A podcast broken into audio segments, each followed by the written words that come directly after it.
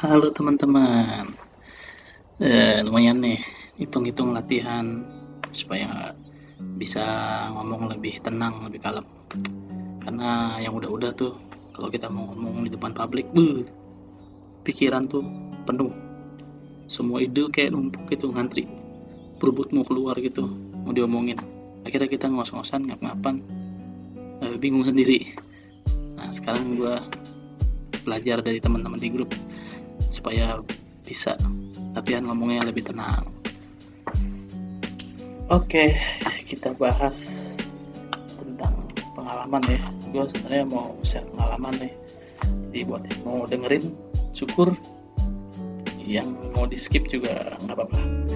Pengalaman yang gue mau share nih tentang eh, pribadi gue selama menghadapi eh, masa pandemi corona ya jadi kita langsung aja kita tahu kalau awal mulanya happening itu di Februari minggu pertama kan? Minggu pertama langsung ada kasus akhirnya rame-rame-rame nah di situ aman sih. Di minggu akhir gue uh, masih tetap nyaman. Walaupun di situ kondisinya gue emang uh, sakit batuk pilek gitu. Dan itu sekeluarga di situ gue masih aman ya masih masih kuat masih nyaman masih santai. Malah gue sempat posting tuh di di postnya Mas Erik tentang teman-teman yang udah kumat duluan kan sama corona. Gue gue gue usaha posting tenangin gitu kan. E, berjalan masuk Maret ini minggu awalnya tuh kasus udah mulai naik. E, udah kasusnya naik terus hoax di mana-mana. lo, lo tahu kan yang yang tanda-tandanya adalah begini 10 tanda Anda terkena corona. 7 tanda Anda sudah terjangkit. Awas waspada gitu tuh. Headline headline tagline tagline yang dibikin sama media uh, buat narik pembaca buat pemirsa. Di antara yang mainstream ada yang hoax dan dan dan yang hoax itu susah disaring gitu. Situ gue udah usaha untuk nyaring yang hoax yang mana gitu. Uh, ini bisa jadi trik buat kalian juga. Kalau misalkan kalian ketemu sama berita yang menurut kalian itu aneh terus nyeremin gitu kan kalian googling aja di Google. Kalian googling kalian kasih keyword di depannya itu adalah cek fakta. Itu sekarang tren ya. Jadi banyak media-media mainstream atau atau atau apa ya website gitu yang yang melakukan riset kebenaran fakta gitu. Di situ lu bisa tahu tuh yang mana beneran hoax atau enggak. Ya ada waktu itu gue tuh sempat itu gue contohnya tuh yang dari WHO tuh. Yang dari WHO katanya corona bisa mati di Indonesia dengan suhu sekian gini gini gini. Ternyata emang itu bukan dari WHO WHO nggak pernah ngeluarin itu Oke, lanjut lagi. Kita ke di tengah Maret. Um, di pertengahan bulan Maret itu gue udah usaha untuk tidak analisa keadaan gue situasi sekeliling gue gitu kan. Tapi gue berusaha untuk menjadi orang yang responsif. Di situ gue uh, ambil keputusan untuk prepare aja secukupnya gitu tapi nggak over gitu kan. Jadi yang biasanya beli barang-barang kebutuhan anak itu bisa seminggu sekali gitu kan. Bolak-balik aja perginya itu agak-agak banyak gitu supaya nggak sering-sering keluar gitu.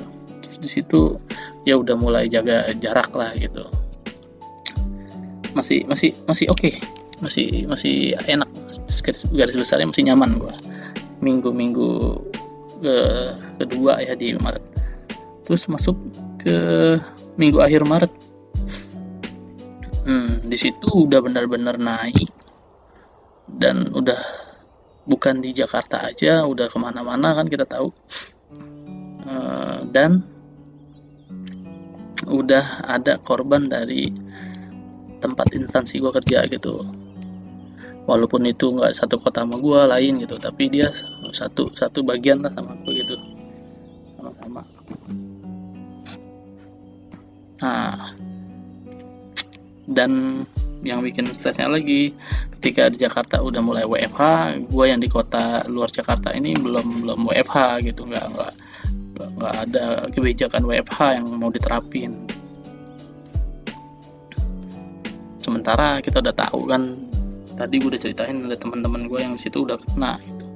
yang sedihnya lagi di situ ya menurut gue ya tapi ini opini pribadi nanti nggak nggak nggak tahu juga apakah beneran apa enggak gitu. Ya yang gue rasa adalah nggak nggak terbuka gitu.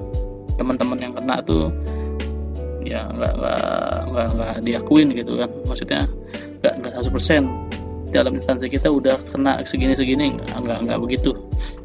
Mungkin emang hasilnya nggak begitu atau nggak sempat diuji dia udah begitu gitu. Gue nggak bisa ngomong sembarangan juga kan karena gue nggak ngeliat dan nggak ada data uh, oke okay, lanjut. Uh, efeknya dari informasi berita yang udah masuk ke ke, ke instansi tempat gue jadi gue tambah stres tambah mikirin itu tambah terlintas lah itu 10 tanda-tanda tadi gitu kan. Dan akhirnya setiap ke kantor itu gue tuh rasanya kayak orang pergi ke perang gitu kan wah gue bisa aja kena dan dan nggak tahu gue kalau gue kena. Apakah gue jadi pahlawan atau enggak? Yang gue lihat nggak kayak gitu gitu kan. Ya udah tinggal cuma jadi data statistik aja korban ke seribu gitu apa ke seratus. Nah di situ gue bete kan. Gue tanpa sadar menganalisa yang nggak bagus gitu kan. Hmm. terus hoax hoax tadi udah mulai kemakan dikit-dikit tuh. ya kayak sebenarnya sih menurut gue itu wajar kan. Emang mungkin bener. Waktu itu gue baca katanya minum air putih. Eh minum air putih. Minum air anget gitu sering-sering gitu supaya tenggorokannya basah. Terus ketelan terus dicerna sama asam lambung yang kita cintai itu. Gue ikutin tuh tipsnya tips tip, apa tipsnya. Gue minum air anget terus gue sering-sering minum pokoknya.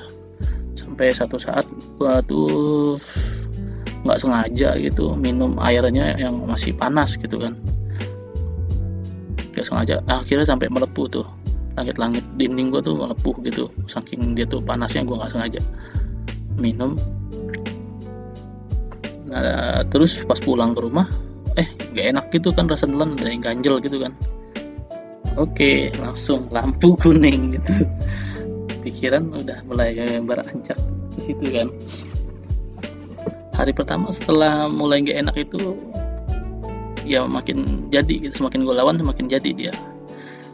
Gue masih belum menerima itu kok bisa jadi sakit itu nelan gitu kan. Waduh gimana nih? Jangan-jangan yang kemarin yang gue temuin tuh orang yang positif gitu kan. Atau gue ke mana? Itu mungkin ada yang positif di situ. Wah udah gue langsung mikir udah mulai mikir jelek tuh. Kalau mungkin ini adalah ini apa namanya mainan gue terakhir dengan keluarga gue gitu. Soalnya kan kalau kan gue lihat di, di di TV gitu kalau udah isolasi ya udah lost kontak sama rumah gitu. Dan itu di grup gue banyak juga ceritanya gitu kan. Udah mulai udah mulai terbangun pikiran negatifnya. Hari keempat akhirnya puncaknya kan. Gue bener-bener yang uh, sampai ke panik gitu. Gue lucunya kalau panik nggak nggak nggak siang gitu ya. Nggak lagi melek gitu. Dulu dulu iya lagi melek kalau sekarang lagi tidur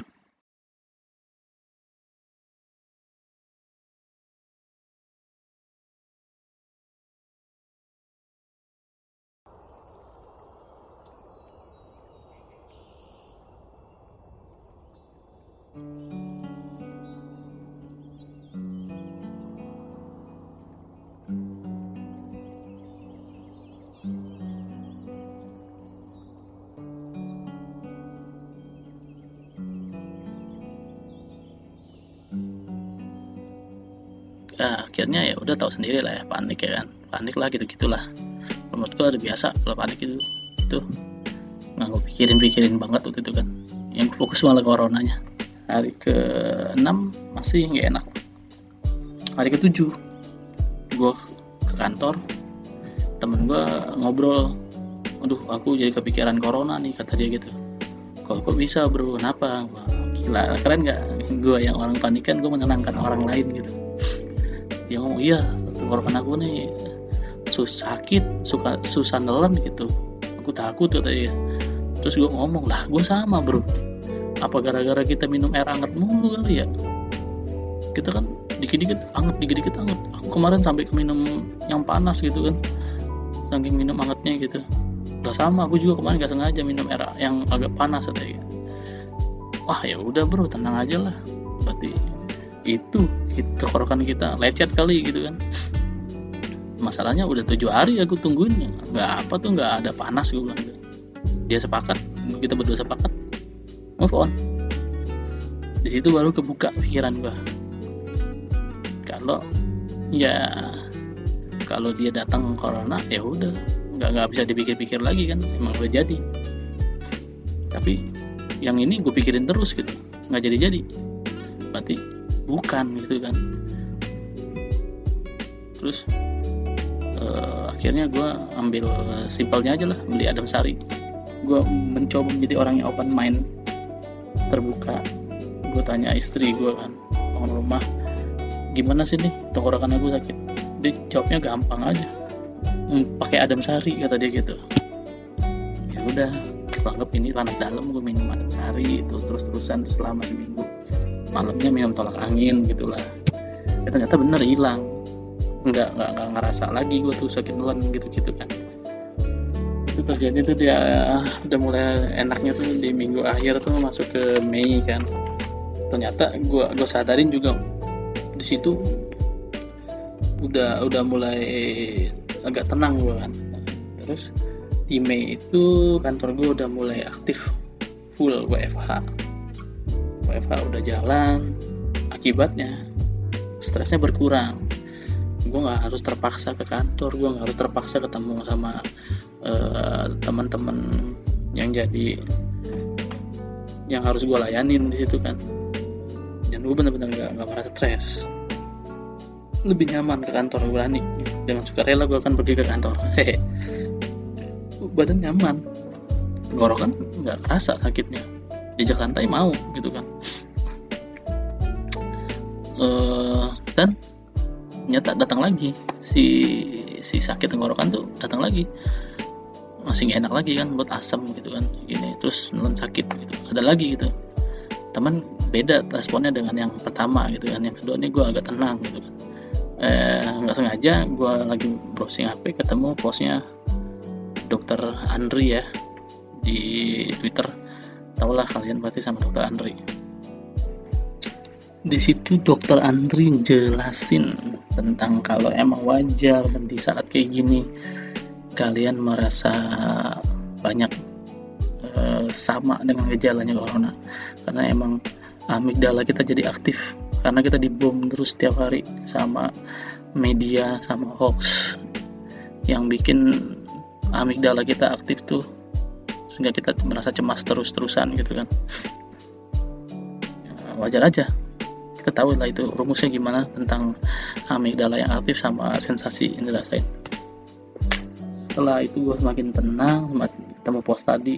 Pos tadi gue sampein ke bos gue karena emang bos gue gue rasa dia punya cemasan gitu kan. Dari pengalaman-pengalaman yang dia cerita dia menunjukkan kalau dia itu cemas. Gue jadi kayak merasa sama dengan dia dia udah baca itu akhirnya dia tenang gue tenang gitu. Gue jadi seperti menolong diri gue sendiri.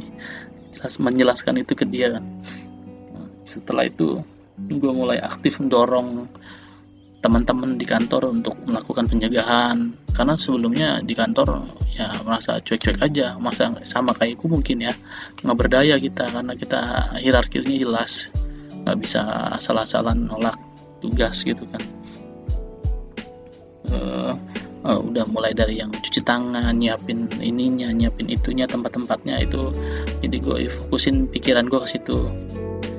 Terus di kantor pun akhirnya gue dorong untuk melakukan kegiatan secara ini remote secara online gitu nggak perlu tetap buka. Karena selain emang benar-benar resikonya tinggi karena kan yang yang kita layanin itu dari orang-orang luar kota yang yang jelas banyak udah zona merah waktu itu. Dan akhirnya teman-teman lain ikutin dan setuju gitu kalau semuanya diubah dari dari yang konvensional gitu tatap muka jadi online gitu. Update sekarang kita masuk di bulan Mei udah lebih nyaman lagi kantor udah settle uh, teman-teman juga udah balik lagi yang kemarin tuh pada heboh gitu kan udah mulai tenang lagi gitu. Gue juga jadinya ikut tenang dan menenangkan sesama di situ kan. Uh, walaupun awal-awalnya itu gue sempet bete juga sama teman-teman gue yang menurut gue ya masih ignorance lah. Kita udah dikasih kebijakan boleh WFH tapi mereka masih datang ke kantor. Nah, gue terjebak di situ tuh. Gue terjebak dengan solidaritas. Tuh gue nggak enak kan orang-orang di kantor gue di rumah gitu. Padahal emang aturannya kita harusnya di rumah gitu. Tapi teman-teman masih ke kantor. Ya udah gue nggak mau terjebak. Gue ambil 50-50 setengah kantor setengah minggu gue di rumah gitu. Nggak nggak nggak full gitu. Gue usaha kayak gitu buat buat biar sama-sama gue tenang juga. Kerjaan jalan juga gitu. Jangan ada yang ngepaksa nah dari situ setiap itu gue anggap terapi guys. Anggap gue anggap terapi exposure gitu. Gue ya gimana sih siapa sih yang nggak takut? Tapi kan kita tahu orang yang berani itu orang takut yang ngerjain gitu. Oke kita masuk ke kesimpulannya deh kalau gini. Jadi menurut gua kesimpulannya eh,